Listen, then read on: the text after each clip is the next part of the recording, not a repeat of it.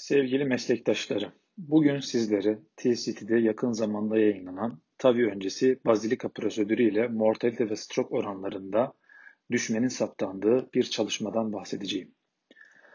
TAVI işleminde deneyimli operatörler arasında prosedürel başarı oranı %87 civarındadır. Bu durum teknik iyileştirmelere halen ihtiyaç olduğu anlamına gelmektedir. Bazilika prosedürü koroner obstrüksiyonu önlemek amacıyla TAVI öncesi aortik lifletin laserasyonunu içerir. Uluslararası bir metaanaliz verilerinden gelen yeni sonuçlara göre hastaların büyük çoğunluğunda güvenle gerçekleştirilebilir. 25 merkezde bazilika prosedürü uygulanan 214 hasta arasında 30 gündeki ölüm oranı stroke oranı ile benzer ve %2.8 olup sadece bir hastada kalıcı stroke gözlendi. Araştırmacı Dr. Ron Waxman, e, Bazilika'nın TAVI ile yüksek koroner obstrüksiyon riski taşıyan hastalara maliyetten bağımsız olarak benzersiz bir çözüm sunduğunu, bu, neden, bu nedenle de ilk olarak Bazilika'nın güvenli ve uygulanabilir olduğunu, ikinci olarak da etkili olduğunu kanıtlamak istediklerini belirtti. JAC'ta Cardiovascular Intervention'da yayınlanan bu makalede bazilika prosedürü ile zorlu vakalarda transkateter kapak değişimini kolaylaştırmak için güvenli bir seçenek olarak bu prosedürün uygulanabileceğine inanılmaktadır. Doktor Ron bu hastaların bazilika prosedürü uygulanmaması halinde yüksek risk altında olacaklarını belirterek koroner obstrüksiyon durumunda ölüm oranlarının %50'ye kadar çıkabileceğini söyledi. Koroner oklüzyon açısından anatomik olarak risk altında olan hastalar için aort kapağın cerrahi onarımı ya da obstrüksiyonu önlemek için önleyici stentleme seçenekleri bulunmaktadır. Bazilika registri kayıtları prosedürün gerçek dünyada güvenli ve uygulanabilir olduğunu öne sürmektedir. Ancak sonuçların uygun eğitimle deneyimli merkezlerde elde edildiğini belirtmektedirler. Bu verilerin güven verici olduğunu ve bazilika prosedürünün yüksek hacimli merkezlerde yaygınlaşması gerektiğini belirtmektedirler. Çalışmada yer almayan Dr. Goldsweig, bazilika'nın tavi sırasında koroner obstrüksiyon sorununa çözüm için iyi bir başlangıç olduğunu söyledi. Ancak prosedürel başarı oranının %87 olduğu göz önüne alındığında bu alanda daha fazla çalışma gerektiğini belirterek bazilika'nın henüz emekleme aşamasında olduğunu söyledi.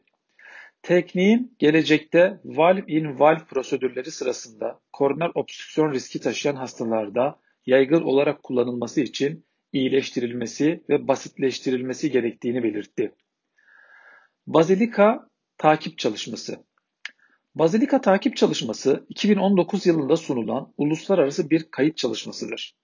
Cerrahi ve koroner obstrüksiyon için yüksek risk taşıyan 30 hastayı içeren bu kayıt çalışmasında hastaların %93'ünde aortik lifletin geçişi ve laserasyonu başarılı bir şekilde gerçekleştirilmiştir. 30 gün içinde kardiyovasküler nedenlerden ölüm bir hastada, 3 hastada ise stroke izlenmiştir. Çalışma hakkında yorum yapan Doktor Kan, bu çalışmadaki %10'luk ilme oranının az sayıda hasta göz önüne alındığında bazilika prosedürünü doğru bir şekilde değerlendirmelerine izin vermediğini belirtmiştir. Doktor Dani tarafından yapılmış ikinci bir kayıt çalışmasında bu çalışma bazilika için pek uygun olmamakla birlikte 129 hasta içermektedir. Bazilika uygulanan hastalarda kontrol grubuna kıyasla 30. günde ölüm riski daha düşük olup hastanın koroner obstrüksiyonu önlemek için iki aortik lifletin kesilmesini içeren çift bazilika gerektiren durumlarda sonuçlar daha kötü sonuçlanmıştır. Bazilika Registry meta-analizinde hastaların ortalama yaşı 75 olup 3'te 2'sinin cerrahi için yüksek risk altında olduğu kabul edilmiştir. Operatörler vakaların %27'sinden fazlasında natif bir kapakta bazilika prosedürü uygulanırken geri kalan hastalarda ise biyoprotez kapaklara girişim gerçekleştirilmiştir. Olguların %69'unda sol aortik küspiste %10'unda sağ aortik küspiste laserasyon uygulanmıştır. %21'inde ise çift yaprakçıklı bazilika prosedürü Doppio olarak da bilinmekte uygulanmıştır. Liflet geçişi ve laserasyon sonrası başarı oranı %95 iken %4.7 hastada kısmi veya tam koroner obstrüksiyon bildirilmiştir. 30 günlük ölüm ve kalıcı strok oranı %3.4 olarak saptanmıştır. Genel prosedürel başarı oranı olarak mortalite ve hayatı tehdit eden ostial koroner obstrüksiyon olmaksızın acil cerrahi veya tekrarlayan girişim gerektirmemesi olarak belirtilmiştir. Ve bu oran %87 olarak saptanmıştır.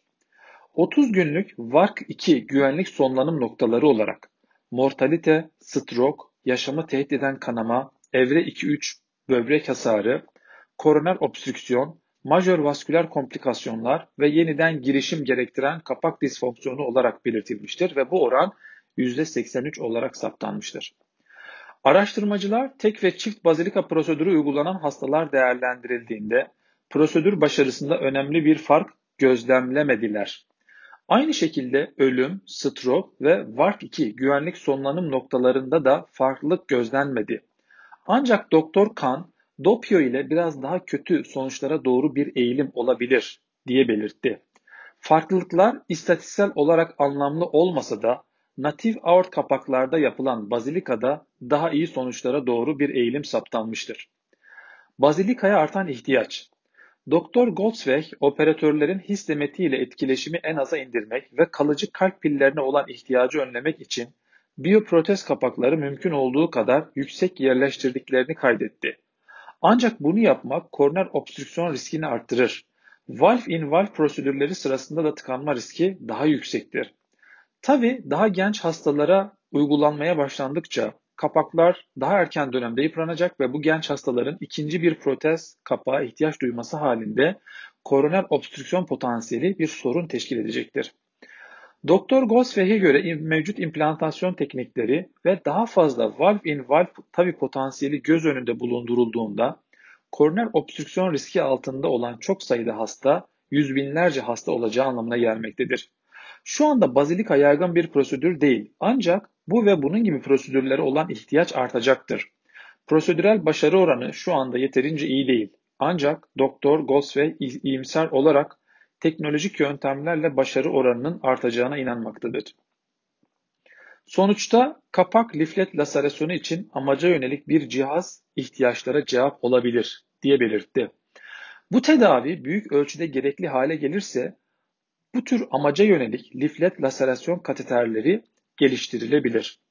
Bazilikayı kimin uygulayabileceğine gelince, Doktor Hoxman tekniğin öğrenilmesinin çok zor olmadığını ancak her şeyde olduğu gibi operatörlerin becerilerini geliştirmek ve sürdürmek için yeterli prosedürleri gerçekleştirmesi gerektiğini söyledi. Bu bir CTO operatörü gibi burada çok yetenekli bir operatör olmanıza gerek yok. Ancak prosedür birden fazla adımla ilişkilidir. Eğitim, gözlem ve bunu devamlılık gerektiriyor dedi. Koroner obstrüksiyon prediktörleri. Doktor Kahn, tavi gerektiren natif kapak aort darlığı olan hastalarda koroner obstrüksiyonun BT'den türetilen anatomik prediktörlerden bazılarına odaklanılmıştır. İki büyük kayıttan alınan veri kullanarak TAVI sonrası koroner obstrüksiyonu olan 60 hastayı inceledikleri MedStar Aortic Valve Stenosis veri tabanında tam BT verileri olan ve koroner tıkanıklığı olmayan 1381 hasta kıyaslanmıştır.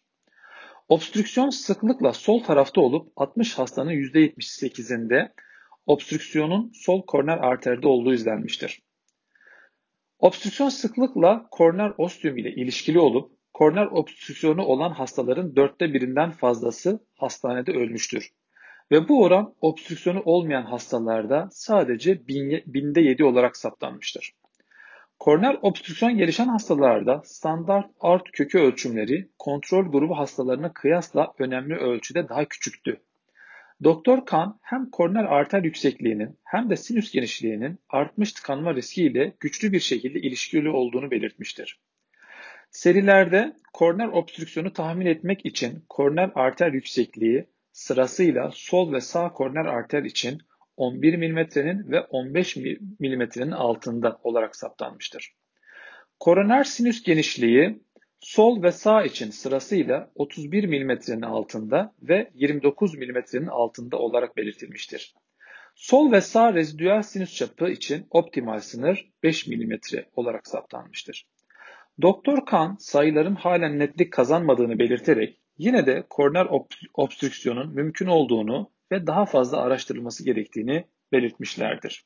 Dinlediğiniz için teşekkürler.